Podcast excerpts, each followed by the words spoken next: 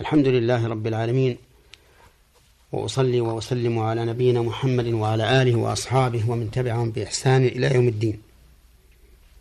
أما بعد أيها المسلمون الكرام فهذه الحلقة الثامنة والعشرون بعد المئة من برنامج من أحكام القرآن الكريم. يقول الله عز وجل يا أيها الذين آمنوا استعينوا بالصبر والصلاة إن الله مع الصابرين. ولا تقولوا لمن يقتل في سبيل الله أموات بل أحياء ولكن لا تشعرون.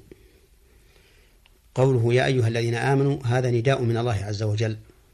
وجهه إلى المؤمنين بهذا الوصف الوصف العظيم الذي يعتز به كل مؤمن وهو على شك ووصف تكريم وحث وإغراء. ولهذا قال عبد الله بن مسعود رضي الله عنه إذا سمعت الله تعالى يقول يا أيها الذين آمنوا فأرعها سمعك فإما خير تؤمر به وإما شر تنهى عنه وإذا صدر الله الخطاب بهذا النداء فإنه فإنه يستفاد منه ثلاث فوائد. الأولى أهمية ما سيوجه إلى المؤمنين. والثانية أن امتثال ما يوجه إليهم من مقتضيات الإيمان. والثالثة أن مخالفته نقص في الإيمان. يا أيها الذين آمنوا استعينوا بالصبر والصلاة. أي اطلبوا العون بالصبر والصلاة. الصبر على الأمور ومصابرتها.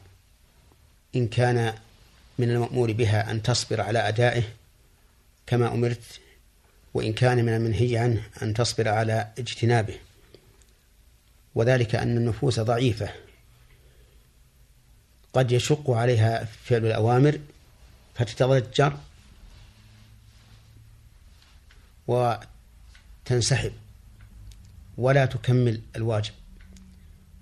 وقد يشق عليها اجتناب النواهي فتعجز عن الصبر وتنتهك المحرمات. فلهذا أمر الله تعالى بالصبر. اصبروا. استعينوا بالصبر. يعني اصبر على الشيء. إن كان مأمورا به اصبر على فعله حتى تخلصه. كان منهيا عنه اصبر على تركه حتى تسلم منه. وما أعطي الإنسان عطاء أحسن من الصبر. فإن الإنسان إذا صبر وعود نفسه على الصبر سهلت عليه الأمور. والصلاة الصلاة أيضا إذا لجأ الإنسان إليها عند الشدائد فإنه يوشك أن تخفف عنه هذه هذه الشدائد. لأن الإنسان يقف بين يدي الله عز وجل يناجيه بكلامه ويتقرب إليه بالثناء عليه ويدعوه. قال النبي عليه الصلاة والسلام وأما السجود فأكثروا فيه من الدعاء فقمن أن يستجاب لكم. فالصلاة تعين الإنسان على شدائده. وإن الله مع الصابرين. هذا ترغيب في الصبر. لأن الإنسان إذا علم أن الله معه سهل عليه. معالجة نفسه بالصبر.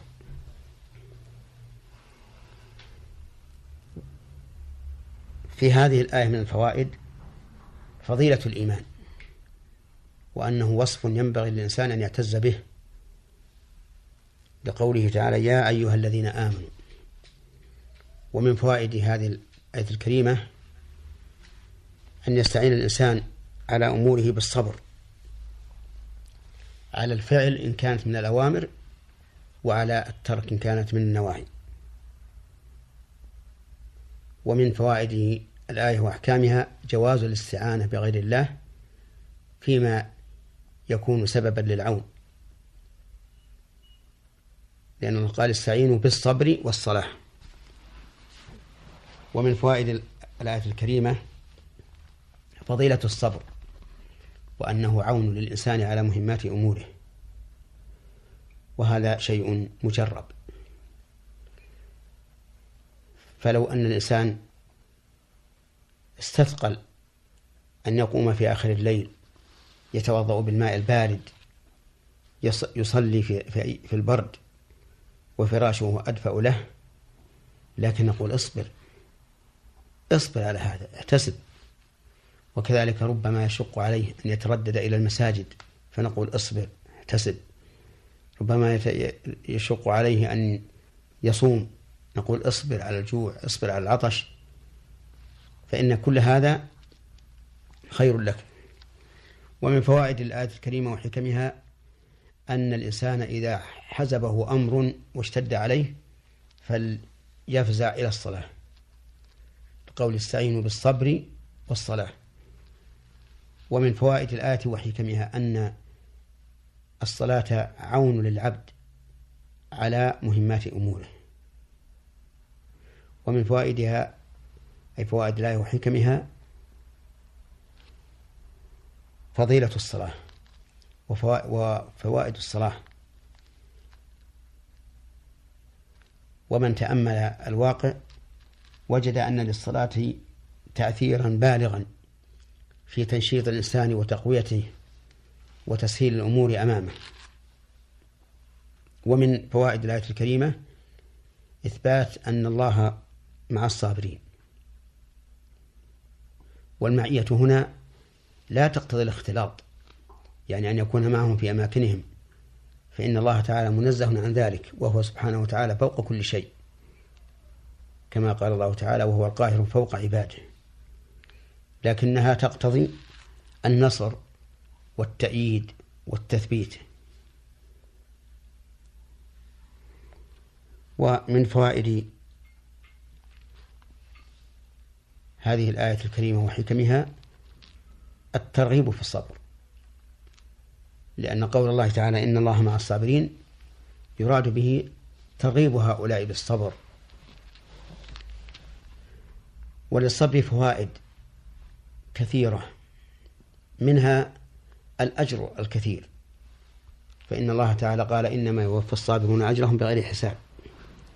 ومنها ترويض النفس على الانضباط والحكمة وعدم الملل. وذلك أن الإنسان لا بد أن يفعل. فإذا صبر على الفعل الذي هو متلبس الذي هو متلبس به مع علمه بفائدة الاستمرار فقد روض نفسه على ملاقاة الأمور ومعاناة الأمور. ومنها أن الصبر سبب لحسن العاقبة لقول الله تبارك وتعالى تلك من أنباء الغيب نوحيها إليك. ما كنت تعلمها أنت ولا قومك من قبل هذا فاصبر إن العاقبة للمتقين.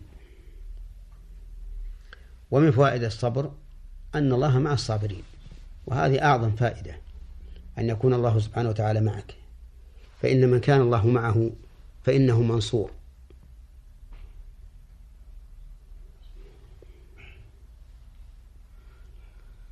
ومن فوائد الصبر أن الإنسان تهون أن أن الإنسان تهون عليه المصائب فيما إذا أصيب بمصيبة.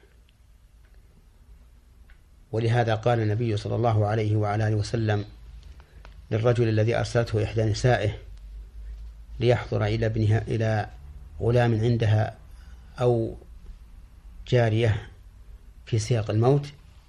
قال النبي صلى الله عليه وعلى آله وسلم لهذا الرجل مرها فلتصبر ولتحتسب فإن لله ما أخذ وله ما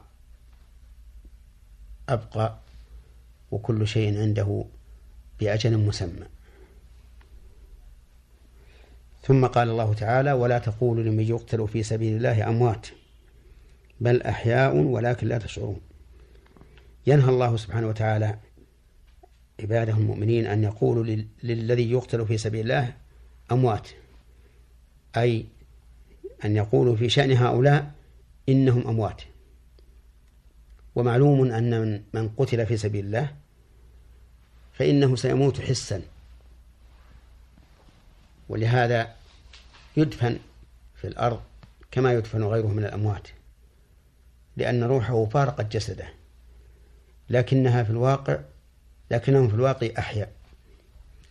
أحياء حياة برزخية ليست كحياة الدنيا المادية الحسية. بل أحياء ولكن لا تشعرون لأن حياتهم من عالم الغيب وعالم الغيب لا يمكن أن نشعر به في عالم الشهادة. لكن يجب علينا أن نؤمن بكل ما أخبر الله به من عالم الغيب لأنه صادر عن أصدق القائلين وهو الله سبحانه وتعالى. في هذه الآية من الفوائد والحكم. نهي المسلم أن يقول لمن قتل في سبيل الله إنه ميت. هذا إذا قلنا إن القول هنا قول اللسان. أما إذا قلنا إن القول قول القلب يعني اعتقاد القلب فإنه لا حرج أن يقول مات مات فلان. لكن ينبغي أن لا نهضمه حقه. بل نقول مات مجاهدا في سبيل الله حتى يتبين أنه آه، رجل مجاهد ولا نهضمه حقه. ومن فوائد الآية الكريمة وحكمها فضيلة من يقتل في سبيل الله. لقوله تعالى بل أحياء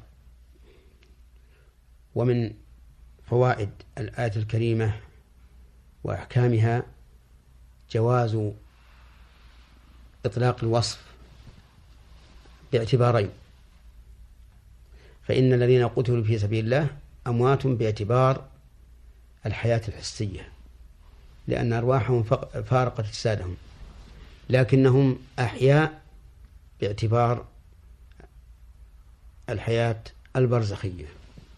فهم أموات من وجه وأحياء من وجه آخر وذلك لاختلاف الأحوال. ومن فوائد الآية الكريمة وأحكامها أن علم الآخرة غير مشعور به لقوله تعالى ولكن لا تشعرون ومن فوائد الآية الكريمة وأحكامها أن عذاب القبر أو نعيم القبر أمر لا يطلع عليه. هذا هو الأصل. لكن قد يطلع الله عليه من شاء من عباده. كما أطلع الله تعالى نبيه صلى الله عليه وعلى آله وسلم على الرجلين اللذين كان يعذبان في قبورهما حيث قال عليه الصلاة والسلام إنهما لا يعذبان وما يعذبان في كبير. أما أحدهما فكان لا يستبرئ من البول أو قال لا يستنزه من البول وأما الآخر فكان يمشي بالنميمة. ومن فوائد الآية وأحكامها قصور علم الإنسان حيث يكون الذي قتل في سبيل الله عنده ولا يشعر به وهذا يدل على نقص علم الإنسان وهو كذلك. كما قال تعالى وما أوتيتم من العلم إلا قليلا. وإلى هنا ينتهي ما أردنا إيراده على هذه الآية الكريمة والتي قبلها. نسأل الله تعالى أن ينفع بذلك. وإلى لقاء آخر. والسلام عليكم ورحمة الله وبركاته.